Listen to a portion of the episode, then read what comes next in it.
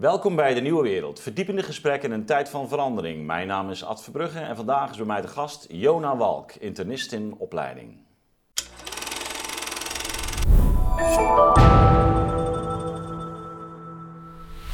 Dag Jona, welkom weer. Ja, leuk om weer eens terug te zijn. Ja, heel, heel goed. Uh, directe aanleiding uh, voor ons gesprek is jouw, uh, nou, mag wel zeggen, beruchte of beroemde tweet samen met Bert Mulder. Een aantal weken geleden inmiddels weer. nou, toen de discussie over vaccineren weer in volle gang was. En met name ook het, de cijfers op de IC op aan het lopen waren. Waarin jij uh, samen met Bert Mulder eigenlijk aangaf: Goh, bij ons ja, is het al zo dat twee, wat was het, 80% zo'n beetje van de patiënten inmiddels gevaccineerd is die op de IC liggen. En daar moet je je beleid ook op gaan afstemmen in plaats van eigenlijk voortdurend te wijzen naar die ongevaccineerden. Um, ik denk, nou, daar wil ik eens over verder gaan praten. Want zijn jullie zo'n zo'n raar verschijnsel daar in Nijmegen? Nou, ten eerste zo dramatisch als je het nu schetste, is het gelukkig nog niet.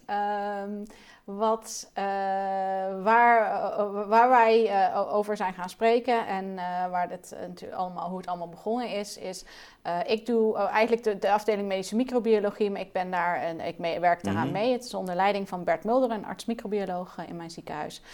doen onderzoek eigenlijk naar het ontstaan van nieuwe varianten van het coronavirus. Dus mm -hmm. wij um, proberen, we hebben daar een, een methode voor ontwikkeld, of, of, met name Bert, Bert Mulder en, en collega's hebben daar een methode voor ontwikkeld om eigenlijk heel snel bij te houden of er nieuwe varianten van het coronavirus ontstaan. Dat was eigenlijk het oorspronkelijke doel. En ik heb daaraan toegevoegd de vraagstelling van nou kunnen wij um, dan gaandeweg, dus echt ja, in real time zeggen we dan gewoon ja. gaandeweg, dus niet met terugwerkende kracht achteraf een keer, maar gewoon uh, uh, live gaan kijken of bepaalde varianten meer bij gevaccineerde en ongevaccineerde uh, medewerkers voorkomen. Of niet medewerkers, patiënten in ons ja. ziekenhuis voorkomen. Mm -hmm. Dus um, dat was reden om een heleboel onderzoek te gaan doen, onder andere dus om die varianten te onderzoeken, maar ook om bij te gaan houden, heel exact, voor elke patiënt die in het CWZ wordt opgenomen door corona. Dus we hebben het nu over de populatie mensen die in het hele ziekenhuis, dus niet specifiek op de IC, ja. maar in het hele uh, uh, ziekenhuis opgenomen worden door een longontsteking door corona. Dus als iemand zijn been breekt en ook toevallig corona heeft, tellen we die niet mee in ons onderzoek. Dus het zijn echt, echt de ziekenhuisbedden die okay. worden bezet door mensen met, die, door corona. En wat wij dus zagen... Dit zeg je nu zo even, ook, ook, ook omdat uh, dat elders soms wel gebeurt? Um, ik moet zeggen dat ik uh, volgens mij over het algemeen dat de, uh, het ligt een beetje aan welke cijferset je neemt. Ja. Er zijn cijfersets die kijken gewoon naar alle positieve testen en ten tijde van ja, de ziekenhuisopname. En er zijn datasets die aan de patiënt navragen van was, was het een gebroken been of was het corona waar u mee werd? Ja, ja, ja, dus lig je in het ziekenhuis uh, met corona of lig je in het ziekenhuis door corona? En jullie hebben dat, die twee dan heel duidelijk onderscheiden. En het gaat even om lig je in het ziekenhuis door, door corona. corona. En dus, dat is vooral, vooral met longklachten. Ja, dus, dus voor longklachten met, door corona. En dan is het ook nog nuttig om daarbij te zeggen dat ik wel uh, van de week even de analyse overnieuw heb gedaan door ieder met corona. Voor ja, want wat waren die cijfers? Want ik, ik dit, ja, dus, dus, oh, ja. Nee, dus, dus dit, dit is de tot, totstandkoming voordat de ja. cijfers noemen. En wat wij zagen en waarom wij met die cijfers, uh, uh, zeg maar, waarom we zo aandacht hebben gevraagd voor die cijfers. Dus wat wij zagen was dat in augustus van dit jaar was 32% van alle patiënten die opgenomen werd door corona in ons ziekenhuis mm -hmm. gevaccineerd. Een maand later was dat 38% en een maand later was dat ineens 60% Dus nog niet 80% maar 60% was okay. het voor de hele maand oktober, of 62 iets, iets, net iets boven de 60% En de reden waarom wij uh, daar aandacht voor vroegen, is wij zagen dat eigenlijk als, als bijwerking bij een studie die we om een andere reden dagen. Zeiden we, oeh, dat loopt mm -hmm. echt heel snel op. En tussen augustus en uh, uh, oktober was in de risicogroepen, dus de mensen boven de 60 met hart- en vaatziekten, zo, die bij ons in het ziekenhuis voornamelijk komen, daar is de vaccinatiegraad niet meer gestegen. Want die was al 90, bijna 85 procent of 90 procent voordat de coronapas werd ingevoerd in het begin van de zomer. Mhm. En uh, de coronapas heeft geen invloed meer gehad op die vaccinatiegraad. Die cijfers heb ik laatst nog bij het RIVM nagekeken. Dus voor die mensen bleef de vaccinatiegraad eigenlijk nagenoeg gelijk. Maar mm was het, nam het aantal gevaccineerden opgenomen heel erg toe. En dat vonden wij een rode vlag. Want dat betekent dat je werkzaamheid van je vaccin ook tegen het ziekenhuis belanden met corona aan het afnemen is. Ja. Dat zegt absoluut niet dat het vaccin niet meer werkzaam is. Hè. Dat, dat is heel belangrijk te benadrukken. Ehm, want als we zeggen dat, dat nou, inmiddels is het, is het voor de maand november lijkt het op, zit het meer rond de 65 procent. Dus het gaat een beetje door met afnemen. Dan hebben we nog steeds mensen die. Ehm, wel gevaccineerd eh, zijn, een lager kans om opgenomen te worden in het ziekenhuis. Want er zijn meer dan 65% van de risicogroepen zijn, zijn gevaccineerd. Dus het betekende niet dat vaccinatie niet werkte, maar het betekende wel van oei, het neemt ook de werkzaamheid tegen ziekenhuisopnames neemt af. En het voordeel van ons onderzoek is dat we dat dagelijks doen. Ik doe dat elke dag, werk ik die data um, bij. Eh, eh, hoe, hoe, kijk jij dan naar die, naar die berichtgeving waarin uh, natuurlijk wel wordt gezegd bijvoorbeeld dat die werkzaamheid van Pfizer, nou dat uh, dat, dat, weten we ook. Uh, die, die, neemt natuurlijk af, maar uh, zit dan nog op 95%, zeggen ze. 95% bescherming na vier of vijf maanden. Um, hoe moet ik dat interpreteren dan, die 95%? Um, wat... Is dat, is dat van een, een, groep van, van 100 of zo? Of hoe, hoe, hoe, berekenen ze dat? Ja, dat? Dat zijn zeker, komen die getallen uit grotere studies. Wat mhm. we wel heel erg uh, voor moeten uitkijken is dat heel veel, is een aantal dingen. Mm um, sowieso kijk, maakt het uit wanneer je kijkt. Dus die, die 95% komt natuurlijk uit de allereerste studie. Dat is dan mm. één en twee maanden na vaccinatie. Nou, je, moet je voorstellen dat als ik jou nu vaccineer, mhm. ergens voor, dan gaat je, je afweersysteem die gaat helemaal aanstaan. Die gaat als een gek antistoffen maken, T-cellen maken, dat staat helemaal aan. En dat blijft eigenlijk nog wel eventjes aanstaan. En dan gaat dat langzaam naar beneden, tot het op een gegeven moment weer helemaal tot rust is gekomen. Mhm. Maar het nut van een coronavaccin is dan dat als je daarna corona krijgt, het afweersysteem nog weet hoe die corona eruit zag. En dan denkt, oh ja, shit, wacht, antistoffen. Woep, en dan gaat hij weer antistoffen maken. En T-cellen, want het lijkt veel meer dat T-cellen veel belangrijker zijn dan antistoffen natuurlijk. Maar als je dus pas op 1, 2 maanden na die vaccinatie gaat meten, heb je naast je echte effect van je vaccinatie, heb je ook nog het effect gewoon van, van die activatie. Dus het is bekend dat werkzaamheid van vaccins na verloop van tijd afneemt. Niet voor alle. Voor, en dan op een gegeven moment een soort equilibrium bereikt. Voor sommige vaccins, als mazelenvaccin, die zijn levenslang super effectief. Mhm. Maar we, het lag op zich wel redelijk in de lijn der verwachtingen dat de werkzaamheid van dit vaccin, van een vaccin als dit tegen een virus zoals dit, wel echt zou afnemen. Wat we van de zomer al zagen. Ja, wat je eigenlijk ook bij, bij uh, griepvaccins uh, ziet. Ja, nou, bij griepvaccins speelt ook nog mee dat we natuurlijk elk jaar een andere griep hebben. We hebben nu mhm, eigenlijk nog steeds corona. We hebben wel verschillende varianten. Maar dat, dat is ook heel interessant. Maar dat staat misschien nog een beetje los van, van, van dit verhaal. Uh, maar wat we van de zomer al zagen en, en waarom het zo belang, wij het zo belangrijk vonden om naar buiten te komen met deze data, wat we van de zomer zagen, is eigenlijk, er is sowieso heel veel onzekerheid of vaccineren überhaupt iets ooit heeft gedaan, ooit doet tegen besmettelijkheid. Maar als dat effect er is, dan is dat in ieder geval een heel kortdurend effect. Dat zagen we, zagen we eerder al uit onderzoeken, vooral hele goede onderzoeken uit Engeland. Dat het effect tegen het überhaupt oplopen van een corona-infectie, bijvoorbeeld zonder of met lichte klachten, of het effect tegen besmettelijkheid, dat dat eigenlijk na een aantal maanden al helemaal verdwenen was.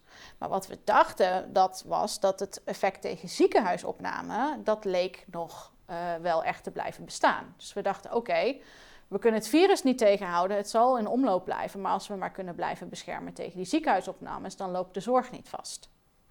En wat wij begonnen te zien in onze data en waarom wij het zo, met name Bert Mulder ook vanuit mhm. zijn, zijn achtergrond uh, met in, qua epidemiologie en, en, en uh, waarschuwen voor, voor weer toename van coronagevallen, zag, zagen is dat ook die werkzaamheid tegen ziekenhuisopnames dus aan het afnemen was. En daar zeiden we, oei, daar moeten we wat mee.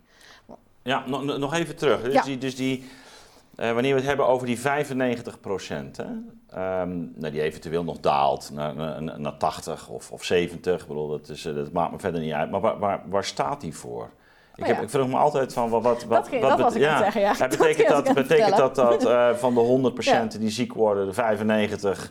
Uh, of, of, kan ik het zo niet begrijpen? Nee, het, uh, als je in een vaccinstudie uitrekent, dan gaat die 95% inderdaad over relatief risico. Dus dat betekent dat als een ehm, dat uh, je een bepaald, als je een, een, bepaald percentage kans hebt om corona of in het mhm. ziekenhuis te komen met corona, zeg je hebt 1% kans. Dat is niet, niet een juist getal. Maar zelfs stel je hebt 10% kans om met uh, corona in het ziekenhuis te komen, dat is overigens ook niet waar hoor. Nee. Uh, als je 10% kans hebt om met corona in het ziekenhuis te komen, dan heb je als je vaccineert en je vaccin 90% effectief is, dan heb je. Dus het gaat over dat percentage. Dus het, gaat over het reduceren van de kans. Het reduceren, van, het reduceren van, die, van, die, van die kans. Maar dan is het natuurlijk heel belangrijk van wat voor basisgetal je uitgaat. Ja, aan de andere kant, je zou kunnen stellen dat als we het virus niet, als we niet kiezen voor een soort zero-covid-beleid, mhm. waarbij we zeggen van we staan helemaal niet meer toe dat dit virus zich verspreidt, dat dan iedereen uiteindelijk ooit een keer corona zal krijgen, hoe onwenselijk we dat, we dat ook vinden. Dus dan.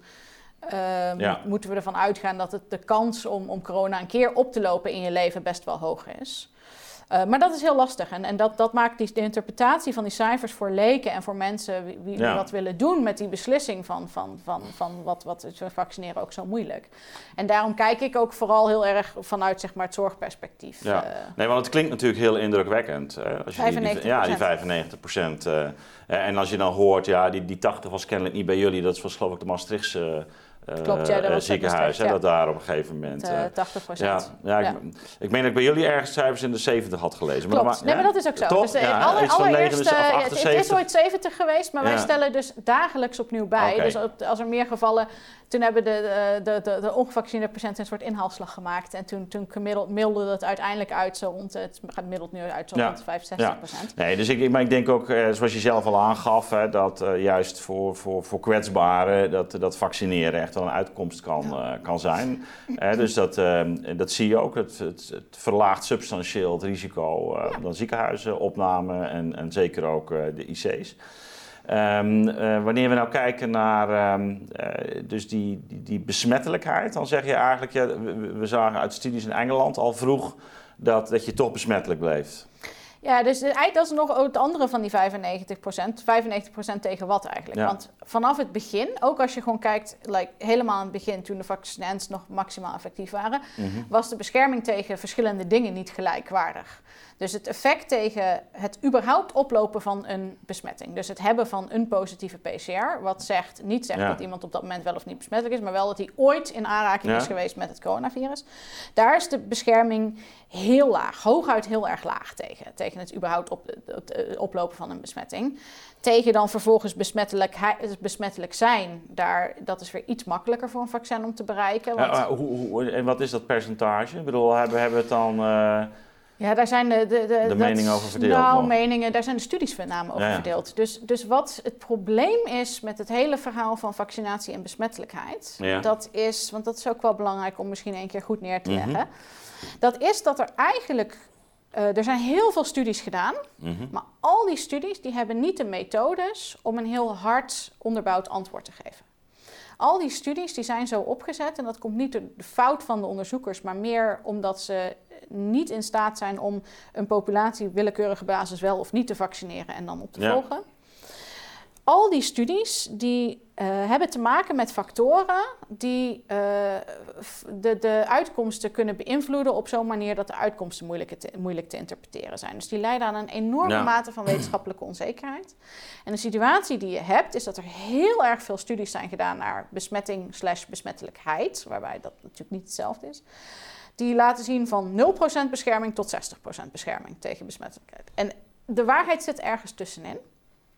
Maar als je dan, wat ik dan probeer te doen, is in plaats van al die studies individueel gaan analyseren en, en eruit pikken, zeg maar, wat, wat eventueel een argument ondersteunt, welk, wat je wil maken, is een stap terugnemen. En even kijken naar het totaalplaatje. Mhm. En dat is dat we het inderdaad niet zo goed weten waar het ligt, tussen die 0 en 60 procent. Maar als je vervolgens kijkt naar de onderzoeken die erbij zijn gekomen na zeg maar, dat mhm. eerste begin toen we begonnen met vaccineren, dan laten die in ieder geval zien dat het er misschien ook in die zin niet zo heel erg toe doet of het 0 of 60 procent was in die eerste maand na vaccinatie, omdat het effect sowieso heel erg kortdurend is. En de beste data die er zijn, die komen uit Engeland, van Public Health England. Want die ja, ja. en dan even, even voor mijn, eh, voor mijn uh, uh, heldere beeld. Je zegt, het, eh, dat, dat betreft dan zowel het besmet raken, ook, ook, ook als maar heel onschuldig, gewoon een verkoudheid, hè, uh, maar ook het, het besmettelijk worden. Dus, de, dus in beide gevallen geldt eigenlijk dat dus de werkzaamheid van echt, laten we zeggen, de, de topresultaten alleen aan het begin liggen. En dat het dan heel snel Ja, afneemt. als die werkzaamheid er is, dan is dat vroeg in, na vaccinatie. Eh, niet na vier maanden bijvoorbeeld. Nou, wat we zagen is dat na vier maanden, dus er zijn een aantal studies geweest. Er is Ja. een, een studie uit eh, Qatar, waar toevallig heel erg veel mensen continu getest werden. Want er zit natuurlijk een beetje bias in. Ja. Als jij gevaccineerd bent, ben je minder waarschijnlijk om klachten te krijgen. en ga je dus ook minder laten testen. Maar in Qatar doen ze om, weet niet wat voor, om, om bepaalde redenen heel erg veel asymptomatisch testen. Mhm. Dus bij mensen zonder klachten. En dan zagen ze gewoon heel snel eh, dat, dat het verschil in hoeveelheid positieve testen tussen gevaccineerde en ongevaccineerde mensen, dat dat na vier maanden eigenlijk al, al dat verschil bijna geheel verdwenen was. En in Engeland zagen ze dat eigenlijk ook. En Engeland houdt heel erg goed hun statistiek bij. Ook elke week komen ze opnieuw met al hun cijfers. En daar zag je eigenlijk, wat je zag gebeuren in de zomer, is dat het aantal besmettingen tussen gevaccineerden en ongevaccineerden in de oudere leeftijdscategorieën gelijk werd. En daarna zag je het een beetje in de middelrisico, eh, middelleeftijdscategorieën gelijk aan elkaar optrekken en enzovoort. En dat komt natuurlijk omdat die oudere groepen, die zijn als eerste gevaccineerd. En je zag gewoon als eerste daar die bescherming afnemen. En als je nu de dag vandaag kijkt naar die data uit Engeland, dan zie je dat eigenlijk het aantal besmettingen onder gevaccineerden en ongevaccineerden gelijk is. Eh, de Public Health England heeft op basis daarvan ook alle claims over werkzaamheid Ja. van vaccinatie tegen besmettelijkheid weggehaald uit hun overzicht. Ze hebben gezegd, wij doen er geen eens een uitspraak meer over. En er is een studie recent gepubliceerd in The Lancet. Die laat zien dat als je besmet bent, dus dat is niet een groep ongevaccineerd, maar als je besmet bent, dan maakt het gevaccineerd, ongevaccineerd ook niet meer uit voor hoeveel mensen je dan vervolgens kan gaan besmetten. Dus je ziet eigenlijk en geen verschil meer in besmettingen of Mhm. in besmettelijkheid. Dat, dat is eigenlijk, eigenlijk wat je ziet na ja, ik, be- ik begreep ook dat het Engelse eh, OMT inmiddels eh, het, het ideaal van de herd immunity heeft losgelaten. Zeggen dat, dat gaan we eigenlijk hoogstwaarschijnlijk überhaupt niet halen. En als we het al bereiken, dan is het niet iets waar we nu beleid op kunnen maken. Want eh, er zijn eigenlijk op dit moment te veel factoren die dat ondermijnen. En dit, nou ja, dit, eh, dit is denk ik heel duidelijk Ja. ook een, eh, het scenario. Want dat betekent dus dat dat je, hè, zoals wij, Rutte spreekt nog steeds over eh, de, de klap met de hamer erop, maar eh, dat virus gaat niet dood. Hè? Dat is de. Dus, eh, De dat hamer dat- is effectiever tegen mensen dan tegen virus, virusdeeltjes. ja, ja, volgens mij ook. je maakt ja, er meer ja, mensen mee kapot zeker. dan virussen. Zeker, ja. Nou, dat gevoel heb je soms ook. Maar in ieder geval, eh, dit, hier op, op, aan tafel ook al vaker besproken. Het endemisch worden, hè, dat, dat lijkt toch wel een, een uitgemaakte zaak. Op wat voor manier en op, eh, hoe dat op langere termijn eruit gaat zien, dat, dat moeten we nog afwachten. Maar eh, de gedachte van, eh, nou, we vaccineren nu maar meer dan 90%, dan krijgen we wel die groepsimmuniteit, die kunnen we langzaam wel laten varen. Dus dat betekent dat je op een andere manier moet gaan nadenken over. nou, dat, daar ben jij ook mee bezig. Dus wat, wat betekent het eigenlijk om Ja. in een pandemie of een- te leven? Eh, en- of met opkomende, opvlammende pandemische eh, eh, ziekte te, te moeten leven. Ehm, nou is natuurlijk een van de, de, de springende punten op dit moment dat men eh, denkt dat met 2G dan toch nog een, belangrijke slag kan worden geslagen. Met name waar het gaat om ziekenhuisopnames, eh, ontlasting van de zorg en zelfs ontlasting ook van, van, de, van, de, van de IC. Hoe, hoe sta jij in heel dat debat?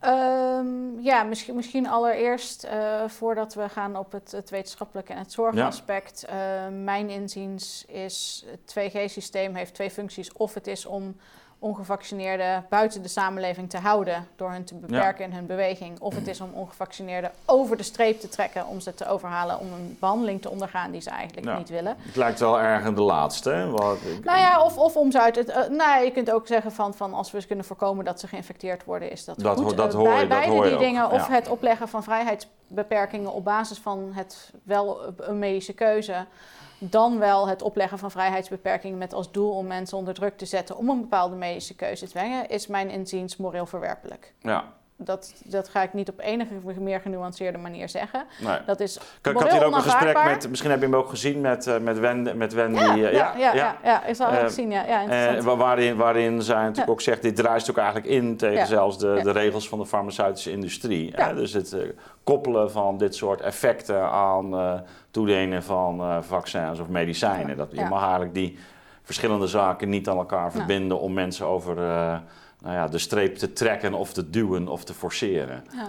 Nee, het is mijn, mijn inziens moreel onaanvaardbaar en het is ook in strijd met de eet die ik heb afgelegd als arts in die uh, academiezaal in, uh, op de Universiteit Utrecht al die jaren Dat neem geleden. jij dus uh, heel serieus? Dat neem ik heel serieus. Dus, dit, dit is, dit, dus ik, ik, zeg dit niet om daar een punt van te maken, maar meer om te zeggen dat alles wat hierna komt aan wetenschappelijke argumenten die, die ik zal, zal op tafel zal leggen, er in die zin ook bijna minder toe doen, want het is gewoon, het, het is eigenlijk een, een ethisch, ethisch onaanvaardbaar iets. Ja, nee, maar helemaal, helemaal de vraag is, zal het iets opleveren voor de zorg? Ja, het is, uh, het is, het is zo'n principieel een waardeafweging. Wat voor, wat voor waarden hanteer je? En, uh, en zeker waar het gaat, en daar kunnen we het dadelijk ook nog over hebben, uh, natuurlijk om, om jonge mensen bijvoorbeeld, die we toch extreem treffen met de maatregelen die worden ingevoerd.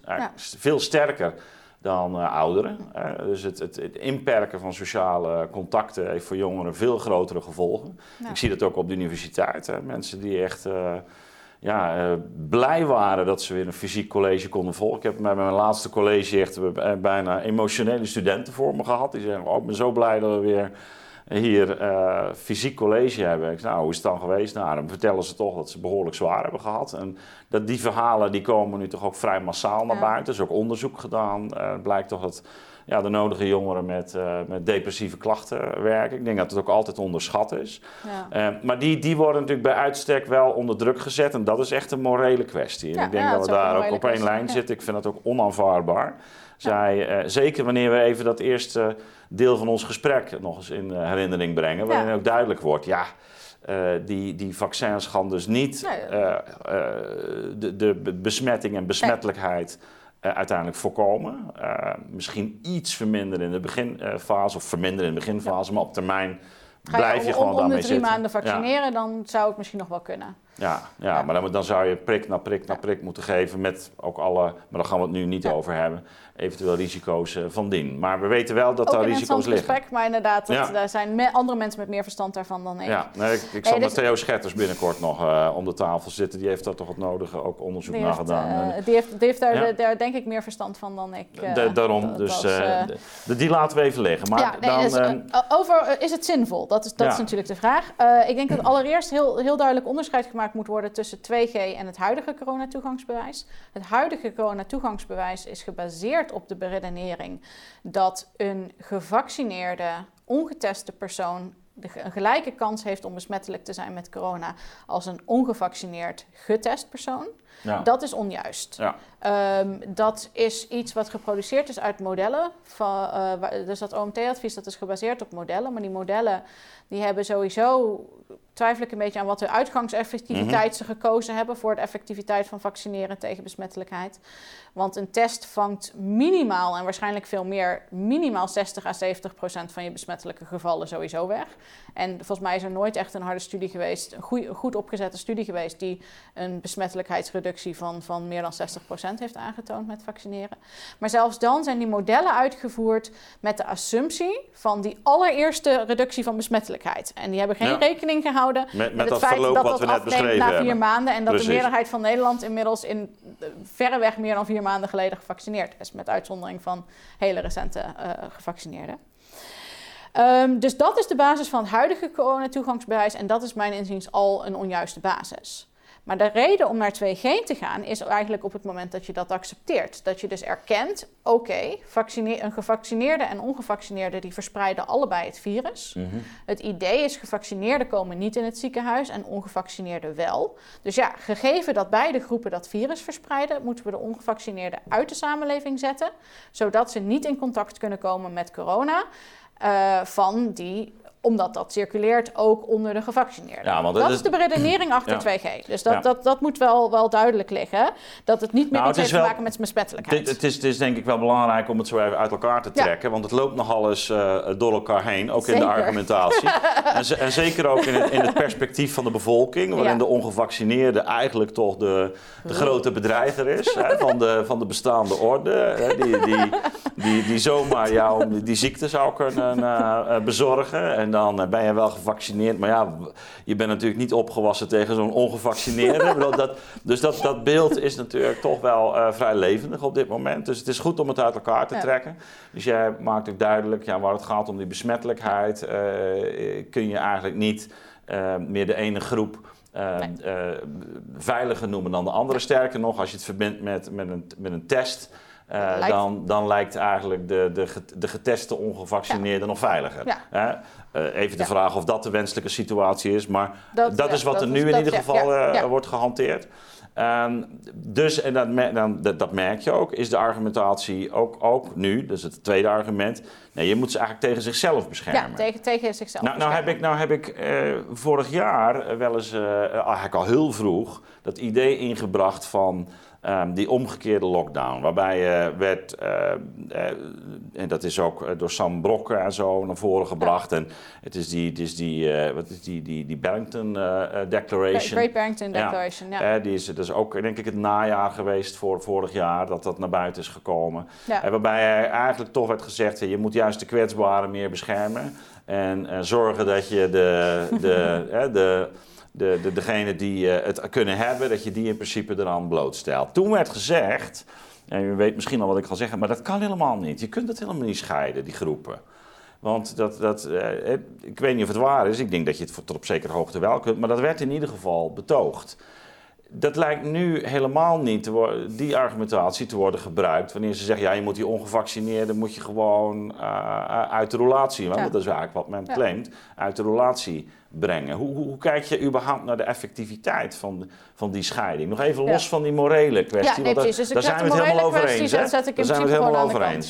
Nee, dus ik zet de morele kwestie aan de kant en dan zou ik de vraag willen beantwoorden: zou een 2G-systeem iets doen op de druk op de zorg? Op ja. de, want om mensen tegen zichzelf te beschermen, dat vind ik niet helemaal eerlijk. Want ik vind dat mensen vrij moeten zijn om risico's te nemen. Mensen zijn ook vrij om, uh, dat is om weer het morele standpunt. Af te, af te, af te skiën. Dat vind, vind ik, ook, ook helemaal eh, onverantwoord, maar dat doen mensen ook Of graag. motor te rijden, of uh, veel te dik te worden, of wat, wat, het ook maar nee, dus, dus, dus, het gaat er eigenlijk vooral om... zal het invoeren van een 2G-systeem leiden tot minder druk op de zorg? En mijn antwoord daarop is nee, dat zal dat niet doen. Waarom niet? Nou, ik neem dan even mijn eigen ziekenhuis als voorbeeld. Puur en simpel omdat ik uh, die cijfers ken, door en door ken. Ik weet ook dat ze kloppen. Ik weet, mhm. Wij hebben ook geen missing data, want ik weet voor elke patiënt die meedoet aan het onderzoek weet ik okay. Dus de situatie zal ongetwijfeld per ziekenhuis een beetje verschillen. Mhm. Maar het zal niet dramatisch... Het, het maakt op de eindconclusie... Mhm. maakt het exacte percentage namelijk niet zoveel uit. Stel, bij ons is het nu zo dat 65% van de mensen die opgenomen worden... die is volledig gevaccineerd. 35% is niet gevaccineerd. Je hebt de, dit, de COVID-opnames. Dus COVID-opnames zijn een klein onderdeel van de totale zorg die wij leveren. Van die totaal COVID-opnames hebben we het dan überhaupt nog maar over 35% van die totale toestroom. Als je dus een totaal volledig, een volledig effectief 2G-systeem zou instellen, zou je dus de dag vandaag 35% van de totale corona-specifieke opnames van het ziekenhuis weg kunnen halen. Maar dat zal dus elke maand afnemen, want we zien die effectiviteit van vaccinatie afnemen. Tenzij je gaat zeggen, we gaan naar een 2G-systeem waar ook een gedwongen booster in zit. En een gedwongen booster daarna. En een gedwongen booster daarna zul je dus Zodat zien je die 65% ook nog kan terugdringen. Precies. Dus, dat, dus tenzij je zeg maar, en daar gaat naar inderdaad uh, frequent gedwongen vaccinatie, kom je, gaat het over een klein percentage wat de komende maanden zal afnemen.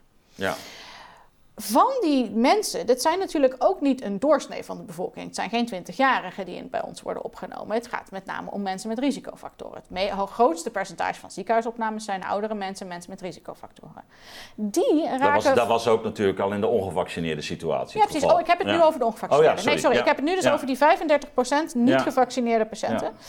Daarvan, die zijn overweldigend ouder uh, met risicofactoren. En die maar die, worden, die mensen worden over het algemeen niet op een festival of in een disco of in een kroeg besmet. Die worden thuis besmet. Ja. En het 2G-systeem houdt hun alleen maar uit de kroeg, uit de, uit, de, uit de festivals, uit de winkels, uit de dingen waar ze toch al niet besmet raakten. Dus volgens ja, maar mij als ze met z'n vieren gaan Daar, daar doet 2G niks tegen. Ja. En uh, volgens mij is het zoiets van 70% van, van, dus de, de, de, wordt van de besmettingen in die groep is, is, thuis. Uh, dus je hebt het dan over 30% van 30%. Dus dit wordt een heel klein getal. Dus dan hebben we het uiteindelijk over dat we het totaal aantal COVID-ziekenhuisopnames met dingen in de orde als 10, 15 procent kunnen terugdringen.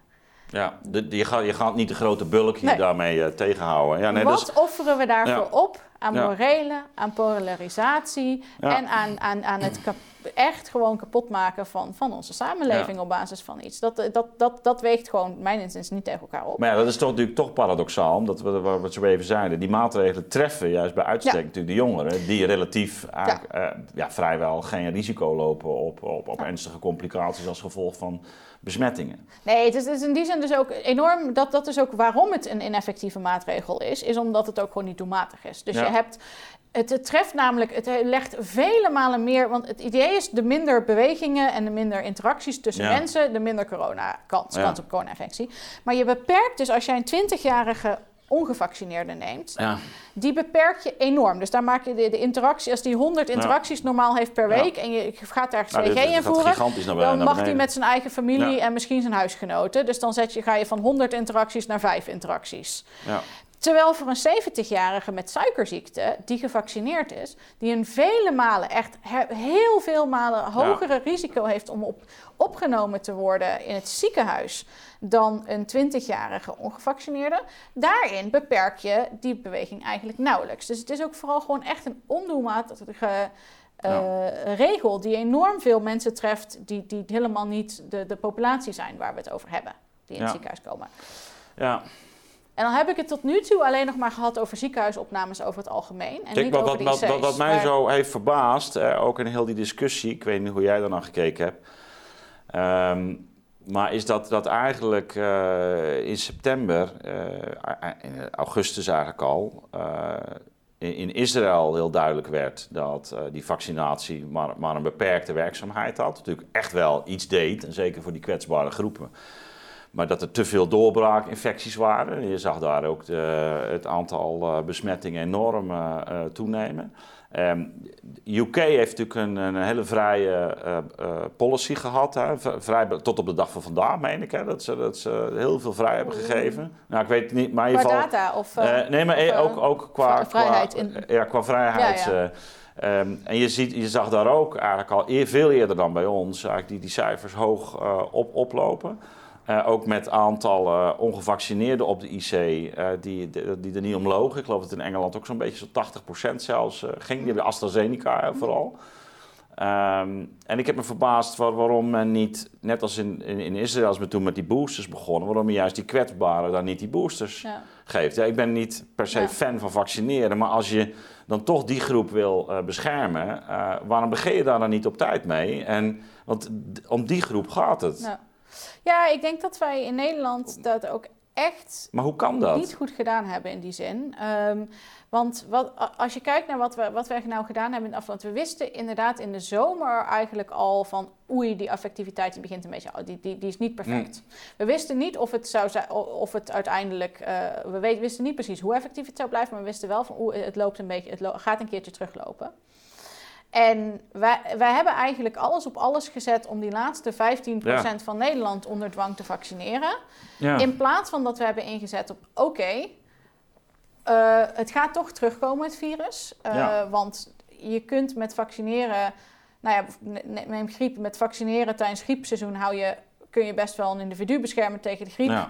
Maar je kunt niet de griep volledig buiten het land houden. En hetzelfde geldt voor corona. Je kunt met, tijdens coronaseizoen corona niet door vaccinatie alleen helemaal buiten de deur houden. Dus we hadden veel vroeger in de zomer, al een jaar geleden misschien al, maar in ieder geval in de zomer nu moeten zeggen van oké, we weten dit nu uit andere landen, we weten dat, dat het zal toenemen. Hoe gaan, wat gaan we dan doen? Hm. En in plaats van inderdaad alles op alles zetten, volgens mij om die laatste groep mensen die, die om, om wat voor reden dan ook, want dat is hun eigen, hun eigen keuze, niet vaccineren, te, onder dwang te vaccineren, hadden we juist die booster al heel vroeg beschikbaar kunnen stellen voor mensen die het wel wilden en die nu in het ziekenhuis weer opgenomen worden met corona ja, na maar, twee maar, vaccinaties. Maar is, is dat dan... Ik, uh, ik zat hier met, met Robin Fransman twee weken terug. Uh, uh, had het over padafhankelijkheid.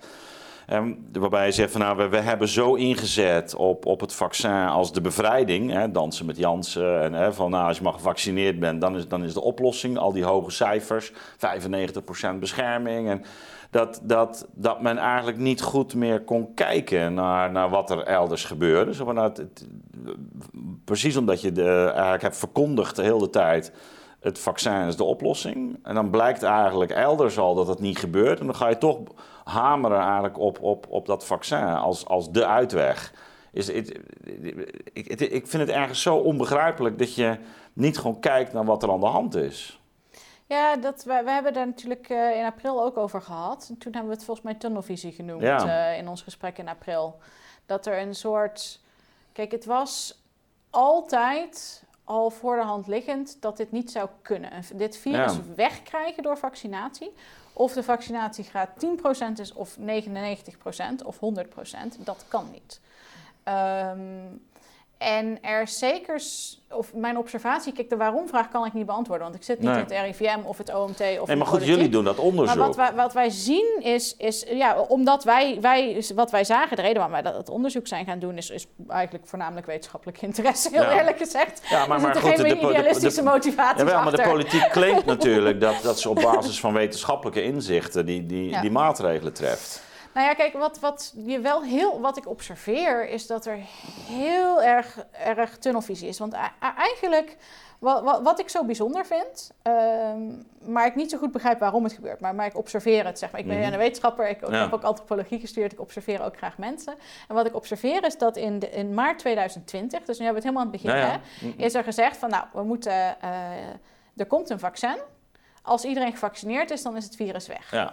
Dat is eigenlijk de stelling vanaf het begin geweest. Dat, is eigenlijk een hele digitale oplossing. Dat is zeker, als je het inderdaad vanuit filosofie... een hele doelgerichte, digita- uh, moderne technologische oplossing.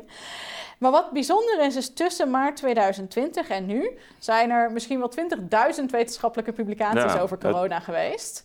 En ondanks al die publicaties is dat is, is, is dat hoofdnarratief, dus dat, dat, dat, dat, dat houden ze al vast. Ja. nooit veranderd. En dat kan zijn omdat ze gewoon toevallig in maart 2020, toen we nog niks wisten over het virus en nog helemaal niet begonnen waren aan het ontwikkelen van de vaccins, dat we toen toevallig in één keer gelijk hadden, dat, dat onze hypothese klopte, onze stelling klopte. Maar het kan ook zijn dat er inderdaad met name richting die, die, die, die, conclusie nog steeds gewerkt wordt. En ik begrijp niet zo goed waarom dat is. Want het is, Kijk, dat het virus niet weg te vaccineren is, daar, daar, is, daar is consensus over in de wetenschappelijke. Los van alle andere dingen, daar is echt wel consensus over in de, wetenschappelijke, in de wetenschappelijke wereld. Maar er wordt wel nog steeds heel erg vastgehouden ook aan, aan bijvoorbeeld cijfers van een vaccinatiegraad. En, en nogmaals, ik stel niet dat het vaccin niet effectief is in het voorkomen van ziekenhuisopnames door COVID. Dat, dat, dat, daar, dat is nog steeds wel zo. Dus dat is ook geen reden om het op individuele basis niet te nemen. Er zijn goede redenen om het wel te doen, er zijn ook redenen om het niet te doen. Dat is een, een, een afweging. Nou ja, dus maar, zegt, voor die kwetsbare groepen is het, kan het hele verstandige keuze zijn. Ja, eh, iedereen heeft daar een beetje andere beredeneringen in. Er zijn misschien ook wel mensen die buiten de kwetsbare groep, die het graag zouden willen. Ja, ja natuurlijk. Als, als ze dat willen, moeten ze dat doen. Ik denk vooral inderdaad dat we het ook lekker... Neem het vooral op in het basispakket. Laat mensen, laat mensen gratis uh, kiezen voor een coronavaccin. Nee, twee keer per jaar als ze dat willen. Dus het is niet zo dat ik zeg van, van op individueel niveau is het een reden om het niet te doen. Maar op groepsniveau, dat wij blijven vasthouden dat de oplossing is een hogere vaccinatiegraad. Ja, dat, dat rijmt voor mij niet meer met uh, de wetenschap. En, en, en de reden waarom wij, en dan komt weer terug naar helemaal hoe wij begonnen, waarom hebben Bert Mulder en ik die data naar buiten gebracht? Dat was omdat we dat vanuit het niet met het doel om te zeggen tegen mensen: je moet niet vaccineren. Maar met het doel van: oké jongens, we moeten nadenken over andere oplossingen. Nou ja, ook, nee, maar ook omdat het natuurlijk, en daarom bracht ik het deze even in rond die booster, dat, dat kennelijk dat narratief zo sterk is dat notabene degenen die kwetsbaar zijn ook niet extra worden beschermd, omdat je zegt: nee, vaccin is de oplossing. Ja. Nee, we moeten 20-jarigen onder dwang vaccineren in plaats, van een 85-jarigen uh, de kans geven om, om voordat het coronaseizoen Dat, dat heeft toch iets bizars? Terwijl je, terwijl je gewoon ziet uit de cijfers van Israël dat die booster uh, nodig is, al deze zomer. Ja, dat is ook wel, dat is ook wel uh, observationeel onderzoek met, met een grote mate van onzekerheid. Het is misschien interessant om te benadrukken, maar dan dwaal ik een beetje af als dat mag. Ja, ja, nee, Waar is de booster op gebaseerd? Want dit, dit vind ik ook jammer en daarom, daarom wilde, wilde ik het vertellen. Mm er is, de boosters zijn goedgekeurd op basis van onderzoek dat aantoont dat als je mensen een booster geeft, dat ze meer antistoffen tegen corona maken. Dus je hebt iemand Mhm. twee keer gevaccineerd en dan geven ze of een booster of geef je ze een placebo of niks. Dan krijgt degene die een booster hebben, daar gaan woep, die antistoffen van omhoog. Maar hoge antistoffen voorspellen nog niet of iemand beschermd zijn. Sterker nog, het is niet mogelijk om een coronatoegangsbewijs te krijgen op basis van antistoffen. Als jij kan aantonen dat je antistoffen hebt, zeggen, is dat niet genoeg reden om bijvoorbeeld een coronatoegangsbewijs te krijgen als je niet gevaccineerd bent. Want ze zeggen van antistoffen zijn niet bewijzend Ja. voor bescherming. Dus in principe zijn die alleen maar op basis Ja, van omdat zeg dat maar... afweer, afweersysteem natuurlijk veel complexer is dan alleen antistoffen. Nou, ik, Ja. ik, ik doe geen uitspraak over of ik vind dat je een coronatoegangsbewijs moet kunnen krijgen op basis van antistoffen. Dat is weer een heel andere discussie. Maar ik bedoel alleen dat er in ieder geval voldoende onzekerheid is over de, Mhm. over de, de- de correlatie tussen hoeveel antistoffen je hebt en of je wel of niet beschermd bent. Hebben we wel alsnog gezegd, oké, het is genoeg dat die bedrijven alleen maar hebben aangetoond dat er meer antistoffen krijgen van derde vaccinatie. We hebben nooit geëist dat die bedrijven een onderzoek doen waarbij ze een groep wel vaccineren en een groep Ja. niet vaccineren en kijken of het ook beschermt tegen corona. En dat is een punt wat ik graag wil aankaarten, omdat dat vind ik eigenlijk ook wel echt niet kunnen. Want wij hebben alleen al als Nederland volgens mij iets van 150 miljoen uitgegeven aan derde, Mhm. derde vierde en vijfde vaccinaties voor onze po- populatie. Eh, dat is alleen een heel klein landje op de hele wereld.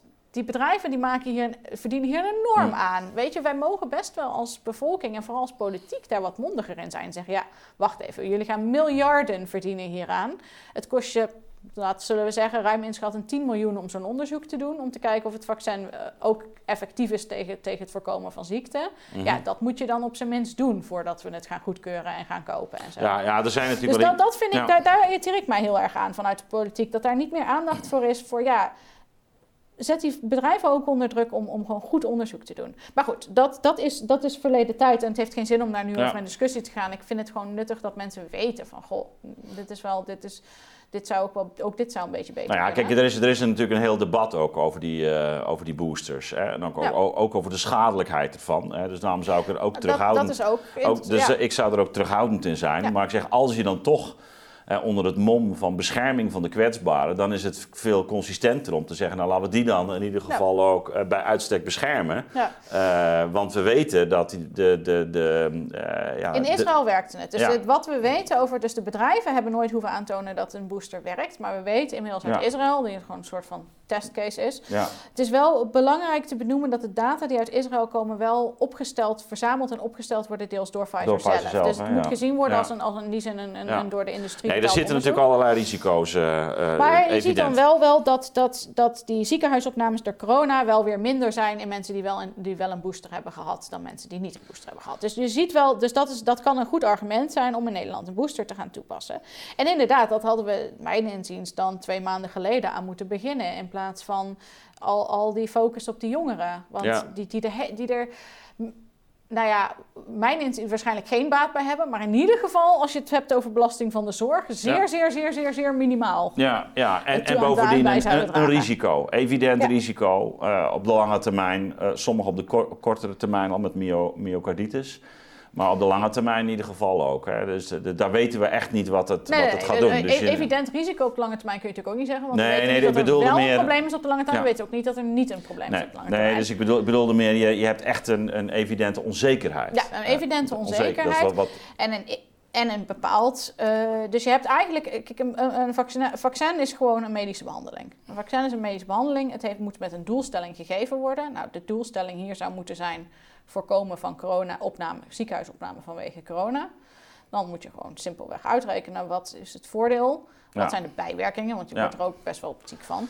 Eh, sommige mensen willen dat niet. Ja. En wat, wat zijn de risico's die eraan ja. gekoppeld En dan zijn? een wel geïnformeerde instemming van de patiënt in kwestie. In plaats van Ja, druk. laat het tussen, de arts, tussen de arts en de patiënt. Of tussen de patiënt en, en de GGD-arts. Of, of, eh, maar goed, het, het is heel lastig omdat we die, die, die, die... Dit zijn hele complexe afwegingen die we in real-time moeten maken. Die we, die we moeten maken ten tijde van het invoeren. En het systeem in Nederland is ook niet helemaal goed gericht op daar onderzoek naar doen. Dus, dus dat is gewoon heel lastig om daar nuttige uitspraken over te doen. Eh, maar nee, dus we hadden veel meer baat gehad bij, bij eh, denk ik, of eh, wie ben ik, maar ik, ik denk dat we veel meer baat gehad zouden hebben bij risicopopulatie sneller boosten dan massaal uh, jongeren die, of mensen die het niet willen, de jongeren die het niet willen het vaccin ja. geven. Iedereen die het wil, moet het gewoon krijgen. Uh, afsluitend, ehm, want we hebben natuurlijk nu toch wel uh, vrij kritisch gekeken naar wat er is gebeurd. En ook naar de cijfers gekeken en, en op het beleid dat op basis daarvan wordt, wordt uitgerold. Um, je hebt ook in de publicatie, onder andere in, uh, Volkskrant, maar ook op, op LinkedIn, heb je daar, daar gezegd van nou, we moeten eigenlijk op een andere manier gaan omgaan met, met een, een pandemie. En zou ik nog een kort aantal dingen kunnen schetsen waarvan jij zegt van nou, dit, dit zouden we eigenlijk moeten doen. Ook, ook gegeven toch het toenemende risico met de vergrijzende bevolking. Dat we uh, met verschillende, nou, misschien ook ernstige vormen van griep te maken krijgen. Of coronavarianten, wat het ook mag zijn. Want we kunnen niet op deze voet doorgaan, denk ik. Hè? In, in mijn inziens niet. Um, ik denk dat we moeten, inderdaad moeten erkennen van goh het virus houden we niet buiten de deur met vaccinatie. Je kunt hooguit mensen op individuele basis een verminderd risico geven op opname. Dus gegeven dat corona aanwezig blijft, dus dat we een, ook een coronaseizoen hebben, waarbij ik wel vermoed dat dat elk jaar stapjes minder, zal worden, omdat er toch meer immuniteit in de bevolking opbouwt. natuurlijke immuniteit hebben we het natuurlijk niet over gehad, maar doorgemaakte infectie blijkt wel wat langer te beschermen dan vaccinatie. Het is ook zeker geen 100%, hè, maar het is ietsjes beter. Dus wat moeten we dan doen? En dan zijn er eigenlijk. Het huidige beleid is, werkt in ieder geval niet van vaccineren, vaccineren, vaccineren. Dus dan is de vraag, wat doe je wel? En dan zijn er eigenlijk groot, heel groot meta gekeken twee opties, waarvan ik een duidelijke voorkeur heb. De mm. een is, uh, waar ik niet de voorkeur heb, is het concept van indammen. Um, ik, er, er zijn vele collega's die daar wel fan van zijn, die kunnen er uitgebreid over vertellen, waaronder Bert Mulder. Um, het idee van we doen iedereen totale harde lockdown een maand lang, vervolgens testen, testen, testen, testen. Zodra we zien dat cijfers opkomen, weer lockdown. Een beetje het systeem wat je in Australië en Nieuw-Zeeland ziet. De reden, dat, dat zou zeker effectief zijn in het weghouden van besmettingen hè? En, en het, het, ontlasten van de zorg. Een enorme weerslag natuurlijk op onze levenskwaliteit. Ik, ik ben daar niet zo'n fan van, omdat ik denk inderdaad, dit heeft een groot effect op de kwaliteit van leven. En er is geen, ik, ik zie niet de exit scenario in dat verhaal. Dus, maar goed, dat moet je aan mensen die dat propageren mm, vragen. Ik zie niet een exit Nou, bij Bert zou eens een keer langs moeten komen. Bert moet een keer langskomen, ik zal het tegen hem zeggen. Ja, ja. Dus, uh, nee, dus, dus ik zie daar geen uitweg. Dus dan heb ik, en dan zeg ik van, nou, oh, dus dan moet, dan is de andere, uh, die andere kant, is oké, hoe gaan we leren leven met het virus? Ja. En um, dan is het ook nog eens zo dat dit een van, dat dit dit is nu een pandemie, maar goed, er komen waarschijnlijk in de toekomst meer pandemieën, want we zijn met steeds meer mensen op deze aarde. Ja, we worden ook allemaal ouder. We worden, allemaal eh, ouder. En, en het is natuurlijk de eerste crisis, maar niet de laatste. Er komt wellicht een financiële crisis, er komt een milieucrisis, er, er, zijn heel veel crisissen. En daar proberen we over na te denken van, nou, wat is dan, hoe kun je dan uh, onze hele samenleving, maar ik heb het dan specifiek over de zorg, de zorg pandemiebestendig maken. Mm en er zijn denk ik, dat, kun je verdelen in hoe kunnen we de zorg optimaliseren om corona en toekomstige pandemieën te accepteren. En wat zijn de keuzes die gemaakt moeten worden, die daar een beetje bij horen. Als je heel concreet kijkt naar wat zouden we nu, de dag van vandaag, moeten, mhm. moeten gaan doen of kunnen, kunnen doen. Er zijn heel veel scala aan ideeën. Ik heb maar, waarvan ik, ik zal er mhm. een paar noemen, maar er zijn heel veel slimmere, vele malen slimmere mensen dan ik uh, uh, met hele goede ideeën hierover. Maar je zou nou ja, snel inzetten op die derde prik uiteraard. Um, je moet helpen om de ziekenhuiscapaciteit te optimaliseren door bijvoorbeeld bepaalde taken van verpleegkundigen aan bed weghalen. Bijvoorbeeld de verpleegkundigen zetten ook koffie voor de patiënten, brengen ook koffie rond. Uh, er zijn heel veel taken die niet per se verpleegkundigen hoeven te doen, maar die je ook door andere mensen zou kunnen laten doen. Dus voor studenten, vrijwilligers, al dingen. Dat zou je heel acuut de dag vandaag kunnen doen om, om wat meer handen aan bed te krijgen. Je kunt de doorstroom van patiënten optimaliseren. Um, dus uh, heel veel patiënten, het is ook mogelijk om mensen bijvoorbeeld die, nog een, die al bijna hersteld zijn van hun corona, om dat laatste staartje wat ze normaal in het ziekenhuis zuurstof zouden krijgen, om dat thuis te doen. Daar zijn we mee bezig. Je kunt ook een heel groot aantal, of er ligt best wel een significant aantal van patiënten op, op, uh, die liggen in het ziekenhuis, omdat ze eigenlijk naar een verpleeghuis moeten, omdat daar geen plek was. Je kunt die doorstroom kun je optimaliseren. Dat zijn hele korte termijn dingen. Dingen die we gewoon vandaag moeten doen als het dreigt vol te lopen in de ziekenhuizen. Um, Het andere is dat uh, als je dan kijkt naar de lange termijn, dan heb je eigenlijk een systeem nodig van een soort opschaalbare, afschaalbare zorg. Want het probleem met corona is op zich niet dat we het echt, echt niet aan kunnen. Maar het probleem is dat als wij nu. Je moet eigenlijk veel, veel sneller om kunnen schakelen. Nou, het is meer van er is fysiek plek in het ziekenhuis. Het enige probleem is dat je dan zeg maar je operaties moet uitstellen. Je, je planbare zorg moet uitstellen. En je moet eigenlijk naar een systeem waar de ziekenhuiscapaciteit op- en afgeschaald kan worden, zodat in de, de seizoenen waar er meer luchtweginfecties zijn, dus dat geldt ook voor toekomstige griepepidemieën en zo, dat op zo'n moment we meer ziekenhuiscapaciteit kunnen creëren, zodat die reguliere zorg ook. Ja, meer een soort. Ja, uh, ja, ja. fluctuerend. dit, dit, dit blijft eigenlijk redelijk. Uh, ja, dus de reguliere zorg die zou het hele jaar en, en nu gaat het zo. Nu gaat het zo. Ja. En dan zien we van op die virussen nemen toe. En dat betekent dan dat de reguliere zorg moet vervallen. Ja, dat is zonde, want dan krijg je allemaal uitgestelde operaties. Dat is, gaat weer ten koste van de gezondheid. Dus dat, dat zou een lange termijn uh, visie moeten zijn voor de ja, pandemiebestendige zorg. En het, wat het andere is, maar dat is, en dat is veel moeilijker, waar ik eh, mee zou willen eindigen, is dat wij als samenleving uh, een heel erg goed gesprek moeten gaan voeren over wat we eigenlijk willen van de zorg. Want de zorg is nu al heel erg duur. Ja. Um, ja. Dat komt voor een deel omdat er geld aan, aan, aan hele dure dingen ja, uitgegeven wordt, die wellicht beter besteed zou kunnen worden aan goedkopere interventies.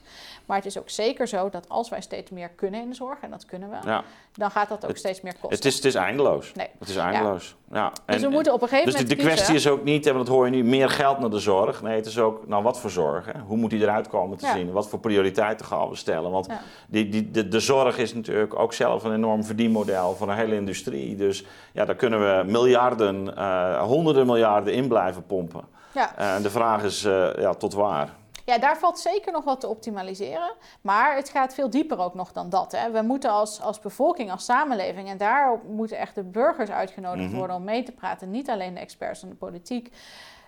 Zullen wij moeten kiezen op een gegeven moment? Gaan wij nog meer geld in de zorg stoppen? Of gaan we accepteren dat we iets minder goede zorg krijgen? En daarmee bedoel ik dus dat we niet als we 90 zijn nog allerlei uh, hele dure middelen en zo kunnen krijgen en dat soort dingen. Dus dat, maar die, zonder dat ik überhaupt zeg wat ik vind dat moet, want dat, dat, wie ben ik om dat te vinden, is dat een keuze die we moeten gaan maken. En die keuze die weten we eigenlijk al heel lang dat we die moeten maken. Zeker. Ja. Maar dat willen we niet, want dat is een ontzettend onpopulair, moeilijk. Er is geen minister van Volksgezondheid die er echt hard over wil praten volgens mij. Maar dat moeten we wel doen, want als we dat niet doen, als wij dat gesprek niet voeren, dan komen, gaat deze situatie je, je, loopt per definitie klem. Want dan, nou, je loopt niet eens klem, maar dan ga je, kom je in een situatie waarbij wij keer op keer de samenleving moeten gaan inrichten om de zorg te ontlasten.